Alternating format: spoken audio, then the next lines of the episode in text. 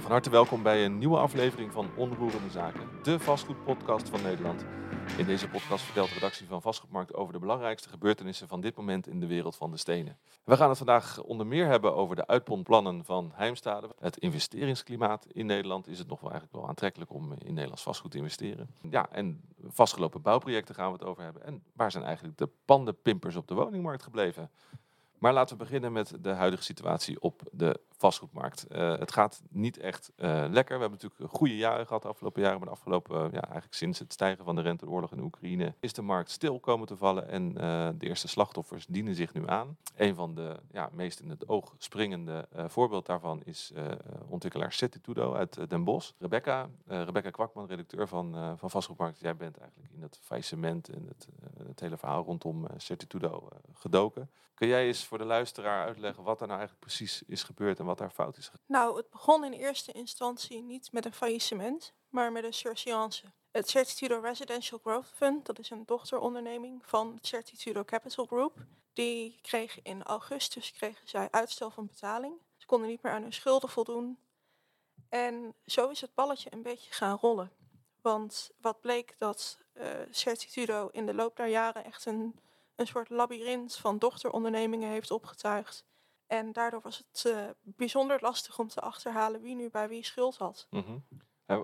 waar is het verkeerd gegaan voor Certitudo? Was het, uh, hebben ze te veel projecten aangenomen? Was het, waren ze te hoog uh, gefinancierd? Zij zeggen zelf dat het vooral te maken heeft met de gestegen kosten van de bouw van de projectontwikkeling dat dat met name door de oorlog in Oekraïne echt ontzettend is toegenomen. En daardoor kwamen de, de geplande projecten niet van de grond. Ze hebben het ook in, in, eh, in Amstel, uh, Amstel 3, in, in Amsterdam Zuidoost, hebben ze een heel groot woningbouwproject uh, wilden, ze, wilden ze bouwen. Dat, daarvan zou je kunnen zeggen, was dat misschien te veel voor ze? Want ze waren vooral bekend van ja, toch de wat kleinschaligere transformaties van kantoren. Ze waren ook uh, van plan om het Centraal Beheercomplex in Apeldoorn, om dat te gaan herontwikkelen. Ze hadden nog een project lopen in uh, Spijkenisse. Onder andere ook in Amersfoort, als ik me niet vergis. Dus het is niet zo dat ze alleen maar in Amsterdam aan het ontwikkelen waren. Maar het lijkt er wel op dat ze ontzettend veel hooi op hun vork hebben genomen. En is, is dit faillissement een, een exemplarisch voor de huidige tijd? Of is dit een uniek geval, uh, omdat daar gewoon heel veel dingen fout zijn gegaan? Ik weet niet of dit per se exemplarisch is voor uh, projectontwikkelaars. Je ziet natuurlijk wel vaker dat projectontwikkelaars uh, hun projecten in meerdere BV's onderbrengen. Maar de manier waarop Certitudo dit heeft verwoven, dat bleek ook uit de jaarverslagen, was dat de ene BV als het ware garant stond voor de schulden van de andere BV. Dus er hoefde maar iets te gebeuren. Er hoefde maar één project niet door te gaan of ja, ernstige verlies te leiden voor de rest om in elkaar te zakken. Ja, en ze, dus, ze vuurde ook aan zichzelf, begreep ik uit jouw ja. Ja, ja, klopt. Ze verhuurden aan zichzelf, of nou niet, niet aan zichzelf, maar aan dochterondernemingen van dochterondernemingen. Ja, dus dat uh, was uiteindelijk een kaartenhuis dat in elkaar is. Het, het was uiteindelijk een kaartenhuis. En over andere ontwikkelaars gesproken, je bent ook naar andere projecten gaan kijken. Projecten die maar moeilijk van de grond komen om meerdere redenen. Volgens mij, ik zie al een beetje lachen, je wilt over de bomenridders gaan hebben, denk ik, in Rotterdam. Ja, absoluut. Nee, we zijn uh, een tijdje geleden begonnen met de serie Leuk Bedacht, nog niet van de grond. Dus over uh, projecten met, uh, met, met hoge ambities, maar waar nog, nog niet heel veel van terecht komt. En een van die projecten is Treehouse in Rotterdam. Dat is achter het station, heeft Provast een, prachtig project bedacht. Om daar een, een mixed-use toren neer te zetten. Maar dat, ja, dat kwam de afgelopen jaren maar niet van de grond omdat juist op de plek waar Treehouse gebouwd zou worden, zeven platanen staan. En juist door die bomen heeft het project ontzettend veel vertraging opgelopen. Want uh, bomenbelangengroep de Bomenridders die, hebben bezwaar aangetekend bij de Raad van State. Zij vonden namelijk uh, het ontzettend zonde dat monumentale platanen weg zouden moeten voor de bouw van Treehouse. Mm -hmm. Ze hebben er alles aan gedaan om daar aandacht voor te vragen. Ze hebben de bomen zelfs liefkozend vernoemd naar oud-Rotterdamse burgemeesters. Dus uh, we hadden onder andere Ivo, Gerard en uh, André. En, uh, en Ahmed, toch? En, ja, en, en Ahmed. Ahmed ja, en ja. Ahmed. Maar in eerste instantie leek het erop dat alleen Ahmed zou mogen blijven staan. En nu uh, is besloten dat uh, alle bomen mogen worden verplaatst. Dus ze zijn gered van de kap. Ja, en dat betekent ook dat het uh, project door kan gaan, toch? Of? Dat betekent ja. ook dat het project door kan gaan. Maar er liep nog een procedure bij de Raad van State. Dat er werd aange, aangezwengeld door een aantal omwonenden. Die hadden ook nog problemen met de bouw van Treehouse. Die maakten zich zorgen om hun uitzicht, dat dat uh, helemaal bedorven zou worden.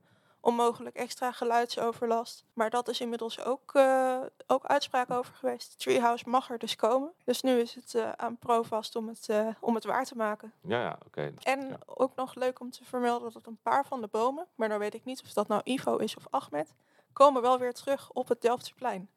Dus daarmee zijn uh, die monumentale platanen hooguit tot ze een paar meter opschuiven. En is het nu voor jou, uh, uh, zijn er heel veel van dit soort projecten? Of moet je echt zoeken naar stilgevallen vastgoedprojecten op dit moment? Of?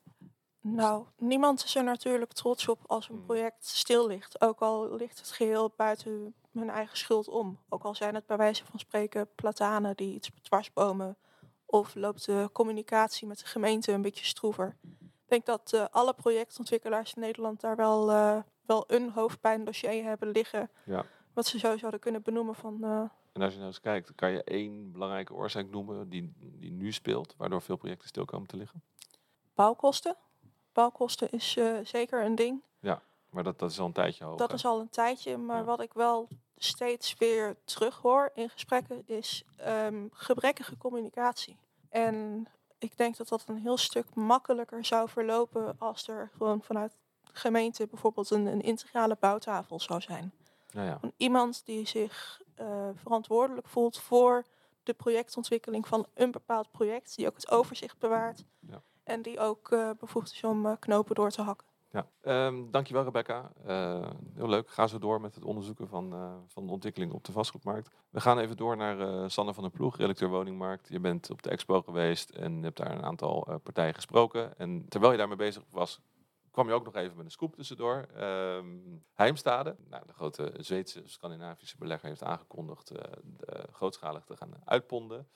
Daar is al heel veel over gezegd en geschreven op het moment dat we deze podcast opnemen. Maar misschien dat je ons toch nog even kan meenemen naar, naar dat moment en hoe dat nieuws tot stand kwam. En wat het eigenlijk zegt voor, eh, voor de vastgoedmarkt. Een aantal vragen, maar Eh, ja, ik, ik zal maar bij het begin beginnen. begin bij het begin. Ja, Eh, ik was op de expo bezig met een verhaal over buitenlandse beleggers, onder andere eh Heimstade, en hoe interessant is de Nederlandse markt nog. Ja.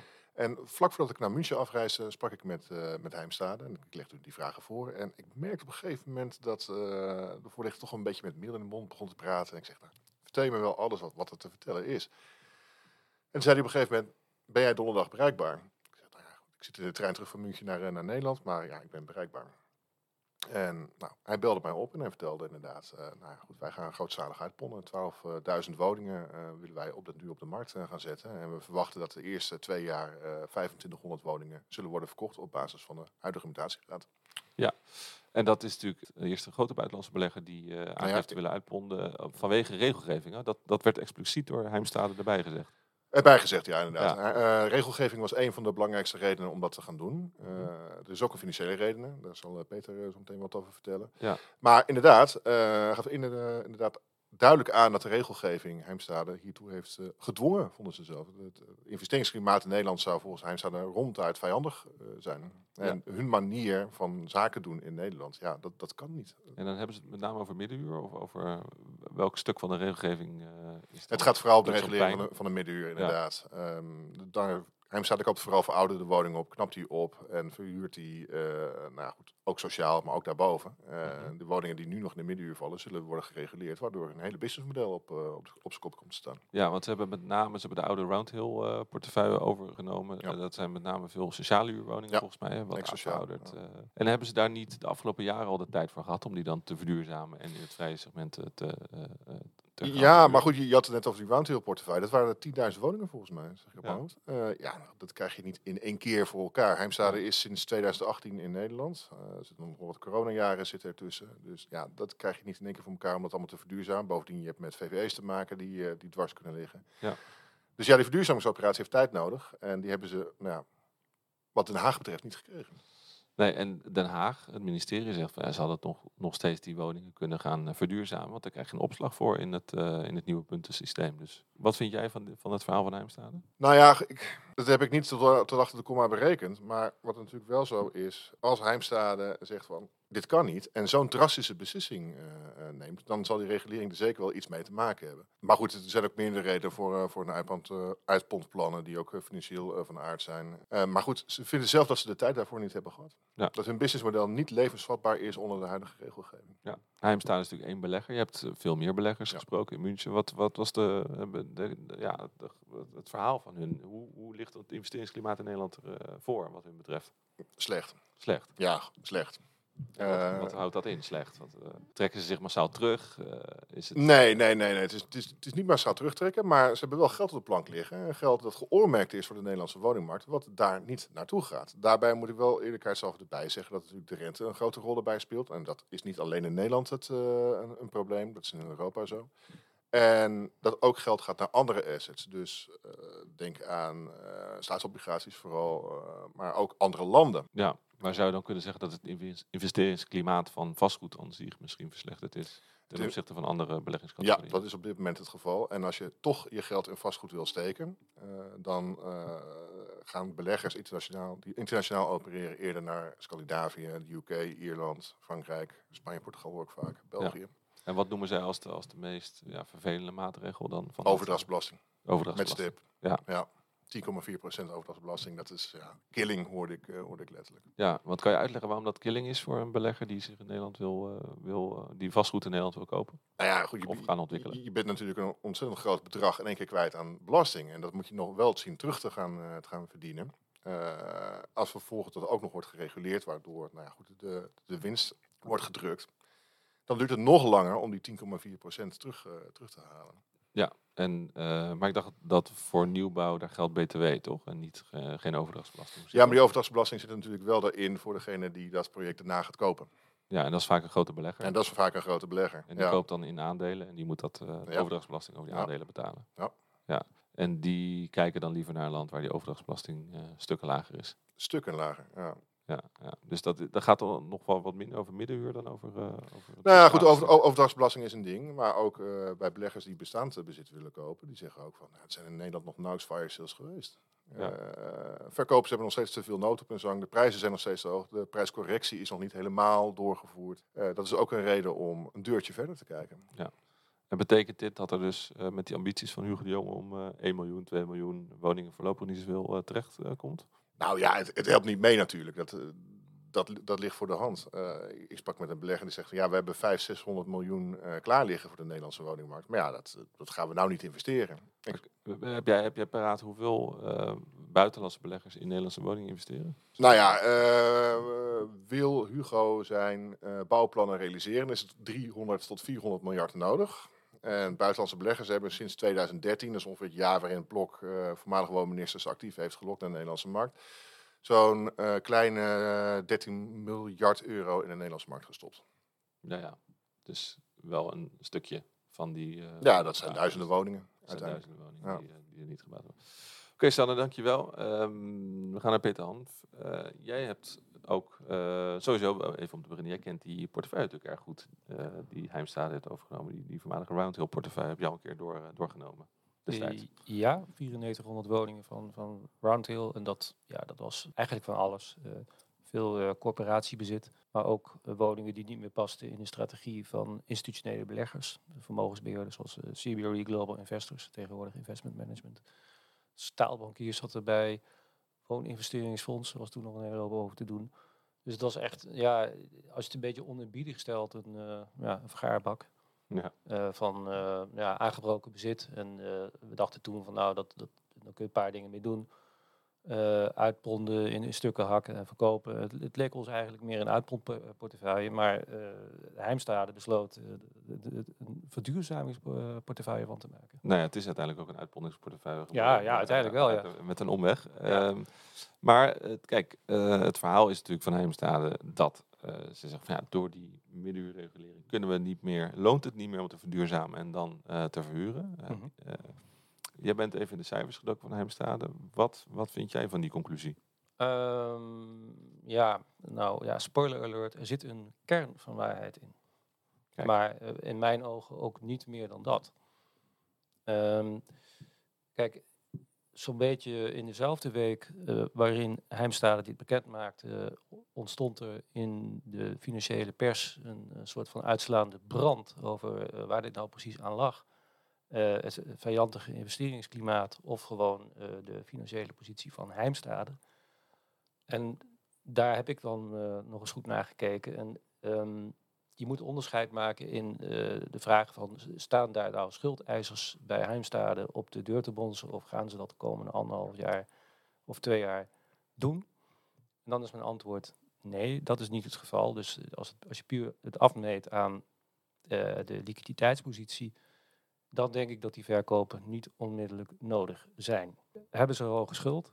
Ja, eh, dat liep eh, bij het einde van het tweede kwartaal van dit jaar liep dat richting nou, bijna 55 procent. Nou, dat zijn eh, percentages. Waar, ja, als, als dat voor een commercieel vastgoed, voor, voor winkelcentra of kantoren was dat heel veel geweest. Maar dit is een woningbelegger, een laag risico, dus kredietbeoordelaars die zijn best wel mild daarover. Ja, een LTV van 55 is niet gek in de, in de Nee, dat, dat, dat, dat kan nog. Ja. Er is alleen één klein probleem, en dat is de winstgevendheid. Dat is trouwens geen klein probleem. De interest coverage ratio is een maatstaf voor eh, hoe vaak je eh, rente eh, kunt terugbetalen met je, volgens mij, je, je EBITDA. Dus je, je, je winst voor aftrek van Belasting. belasting en, en rente en dat soort dingen. Mhm. Ehm, en die is gekelderd. En daar is natuurlijk ook een eenvoudige reden voor, want eh, de, de rente is, is behoorlijk gestegen. En eh Heimstade heeft die rente ook niet heel erg lang vastgezet. Nou ja, dat, eh, ik zou niet graag daar nu de CFO zijn die daarvoor verantwoordelijk was in deze tijd. Maar Ja, in ieder dus geval, de rentelasten stijgen en hun toekomstige inkomsten Ja, die- gaan niet naar van hand omhoog. nee, en dat kan ook niet, want ze zitten in het gereguleerde segment. Ja. Dus dan hakt dat er ook echt enorm op in. Ja. Dus eh, ja, da- eh, dan heb je dus eh, toch wel kredietbeoordelaars die zeggen, ja, het zou toch wel verstandig zijn om die LTV omlaag te krijgen. Ja, en hoe doe je dat? Nou, je kunt waarde vermeerderen. Dat waren ze van plan. dat waren ze van plan, dat alleen dat, dat gaat niet zo heel erg denderend. Nee. En dan kijk je ook naar welke landen zou je dat dan doen. En dan heb je dus reguleringsregimes en daarvan constateert bijvoorbeeld een eh, kredietbeoordelaar als Fitch van ja, dat Nederland al wel weer op het lijstje staat met landen waar je niet, niet heel veel waardevermeerdering hoeft te verwachten. En daar zeg ik dus, ja, eh, er is een kern van waarheid in het feit dat, dat het vijandige investeringsklimaat een, rol speelt bij de uitpondplannen van Heimstade. Maar ze hebben nog veel meer landen waarin ze eh, gaan uitponden. En daar, ja, daar heeft Hugo de Jonge niks te vertellen. Nee, de, dus Nederland is niet het enige land waar ze Nee. dit, eh, dit gaan doen. Want waar, weet je waar ze dat nog meer eh, doen? Ehm, god, ja, nou volgens mij bijna overal. Maar dus eh, ja, ze, ze moeten namelijk, eh, zij moeten woningen verkopen Ja, om, om hun schuld omlaag te krijgen. Dus ja. ja, wat dat betreft is dit gewoon een, een onderdeel van een, volgens mij, een, een Europese strategie. ja, alleen die strategie richt zich in dit geval met name eigenlijk nu op vrijwel het gehele woningbezit in Nederland. Eh, omdat er weinig bezit is dat, eh, waar ze nog een waardevermeerdering kunnen, kunnen, kunnen Ja, verwachten. dat, dat klopt. Maar ik heb ook het idee dat de communicatie bij Heimstade daaromtrent een beetje veranderd is. Tussen het moment dat ze het wereldkundig maakten en, en dat, ik, dat ik ze nog een keer aan de lijn had. Wat ik dan weer hoorde was, ja, we gaan niet weg uit Nederland. Maar we, we, we willen 2.500 woningen verkopen. En je moet natuurlijk, je kunt er niet van uitgaan van je wijst die en die en die woningen aan en die gaan we verkopen. Want je bent inderdaad afhankelijk van mutaties. Dus je oormerkt een portefeuille van hiermee zou het kunnen gebeuren. Als binnen dit eh, segment van ons woningbezit iets vrijkomt, dan is het om uit te ponden.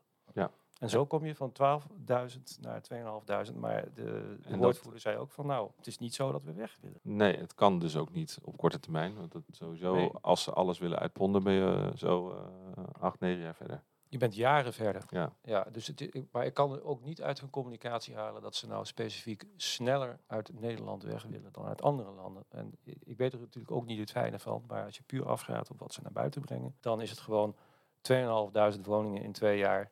Eh, dat is wat we hopen te bereiken. Ja, dus die eh woningmarktplannen van Hugo de Jonge zijn zo gek nog helemaal niet. Eh, ja, hangt er vanaf waar je, waar je naar streeft. Ja, dit, dit komt uiteindelijk dan terecht bij, ja, wat zal het zijn, koopstarters. En ja, het wordt ontrokken aan de huurmarkt en vindt zijn weg naar de- de onderkant van de koopmarkt. Ja, het is een beetje, ja, komt in een, andere, een ander emmertje terecht. Ja, maar wel een emmertje waar er al veel van zijn. En het huuremmertje is natuurlijk vrij eh, leeg in Nederland. Ja, dat, dat wel. Het, het zal niet bijdragen aan het aantal eh, betaalbare huurwoningen in Nederland. Nee. Oké, duidelijk. Dank eh, Peter. Ja, en tot slot gaan we het dan hebben over een ander fenomeen dat we de afgelopen jaren veel hebben gezien op, op de vastgoedmarkt. En dat was het ja, opknappen van kluspanden. Ebru Umar, je, bent, je bent daar zelf ook wel bedreven in volgens mij. Ik vind niks leuker dan eh, panden opknappen. Echt Ja. het, het verschil wat je maakt als je zo'n eh, afschuwelijke muur ziet of eh, gaten in het plafond en keukens die keuken genoemd worden, maar dat helemaal niet zijn, om daar weer iets bewoonbaars van te maken. Ja. Ja, De, de karakteristieke woning heb je het dan over in- Ja. in de fundatekst.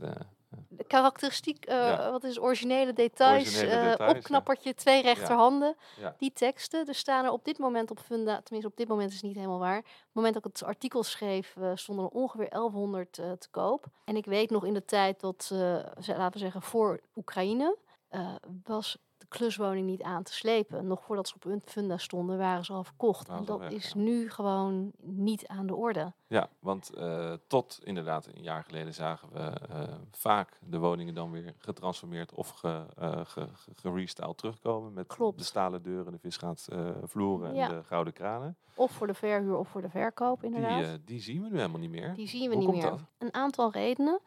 Eh, de prijzen zijn heel erg hoog. Eh, ze worden nog steeds, de kluswoningen worden weggezet alsof we op het toppunt van de markt zitten. Er wordt gekeken wat een, eh, een huis in afstaat kost. Er worden wat verbouwingskosten bijgerekend. Eh, dat wordt ervan afgetrokken. En dan hebben ze opeens een, eh, een, een waarde voor een huis waarvan je denkt van ja, maar dat is het gewoon niet waard. Het is niet te financieren. Ehm 10, 10% overdrachtsbelasting, die je dan ook nog eens een keertje eruit moet krijgen. Nou, dat Ja. is niet te doen. En eindbewoners krijgen het geld ook niet rond. Want eh, als je moet verbouwen, moet je een bouwdepot eh, aanvragen. Maar je krijgt niet 100% van dat bouwdepot gefinancierd. Dus je krijgt maar een fractie. En je moet dus een enorm zak met geld zelf meenemen. Ja. En heel vaak denken mensen, nou, ik kan er misschien nog wel even in wonen, eh, oude keuken. Maar die kluswoningen die op Funda staan op dit moment zijn echt onbewoonbaar. Er was een Ja. tijdje terug ook zo'n filmpje in de krant van een makelaar die eh, naar, door een huis liep waar 40 jaar niemand naar had omgekeken. Daar kan je gewoon niet in wonen. Met Nee. de beste wil van de wereld kan je daar niet in wonen. Nee, en in de oude tijd, zeg maar, tot een jaar geleden, kon je het gewoon kopen. En dan, dan, dan verdiende je al geld überhaupt door er naar te kijken. Door Want naar te kijken en er niets mee te meer doen. waard. Ja, Als je er twee maanden niks mee deed, dan was, het al meer waard. En nu is het natuurlijk het tegenovergestelde. eh, Absoluut. hand. De- de- Het is ook een prijzen zijn al risico. aan, aan, aan het zakken. Ja. Ehm, je hebt veel hogere rente, dus dat, Ja. is, dat is, ja, het is niet meer rendabel geworden, de Het is totaal niet rendabel. En dan blijft de vraag van wie gaat het nou kopen? Ja. Daarvan zei een makelaar van Jo Ebro, op een gegeven moment elk huis heeft een koper. En dat is natuurlijk zo. Eh, of je daarvoor in prijs moet zakken, ja, dat zal waarschijnlijk wel moeten. Ja. Maar iedereen houdt nog vast aan zijn eigen beeld. De verkoper die zegt van dit is wat ik ervoor wil hebben. De koper zegt dit is wat ik ervoor wil krijgen. En zo staat alles gewoon hartstikke lang te koop. En wie zijn de verkopers eh, vaak? Zijn dat dan eh, oude dametjes of eh Er erfgenamen? zit van of, eh, alles tussen. Er Waar zit komen die klushuizen vandaan? Of zijn het woningcorporaties die ze afstoten? van alles. Hm. Ehm, de dingen waar ik veel naar heb gekeken eh, zijn eh, inderdaad de, de bloemetjes behangen. En eh, ik heb ooit iets gezien, ooit pas geleden iets gezien eh, eh, wat werd aangeprezen als van het gas af. Maar daar stond een petroleumkachel in. Weet je, dat je echt denkt, nou, dit, dat, dat zijn woorden die niet kloppen. Dat was totaal onbewoonbaar, maar daar Ja. had een oud stel in gewoond. En die waren nu overleden. Dat was een erfenis. Maar je ziet ook heel veel corporatiewoningen. Ja. En die corporatiewoningen die worden dan nog een heel klein beetje opgeknapt. Maar eh, zo dat, dat, dat hij helemaal gestript is. En dat je gewoon meteen kunt beginnen met opbouwen. Ja, dus je ziet van alles. Maar waar zijn de kopers? Ja, en waar liggen de... Jij bent toch altijd iemand die in kansen denkt. Waar liggen de kansen op dit gebied? Als, als In onderhandelen. Ja. Ik vind eh, eh, altijd dat je... eh, je, moet niet gaan op, je moet niet op de stoel van de verkoper gaan zitten. En niet Nee. denken, nou voor dat bedrag doet hij het niet. Laat de verkoper maar gewoon nee zeggen. Maar kom met een bod als je het wil hebben. Alleen het heeft wel zin als je geld hebt liggen. Dat je niet te veel hoeft te lenen. Dus veel met eigen geld. En dan je moet je veel nog met een, eigen eh, geld. nog een, eh, wat ik las in jouw stuk, een aannemer zien te vinden die niet eh, met een eh, gouden... Met een gouden riek, ze- zei die Ja, aankomt. makelaar die ik sprak. Ja.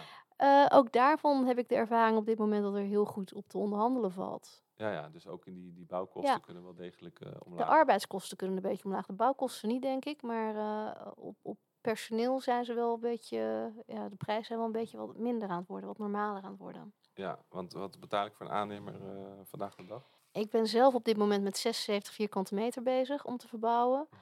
En vanochtend kwam ik tot de conclusie dat het toch wel een ton ging kosten. Ja, ja. En ik had 45 begroot plus 20, dus zit je op 65.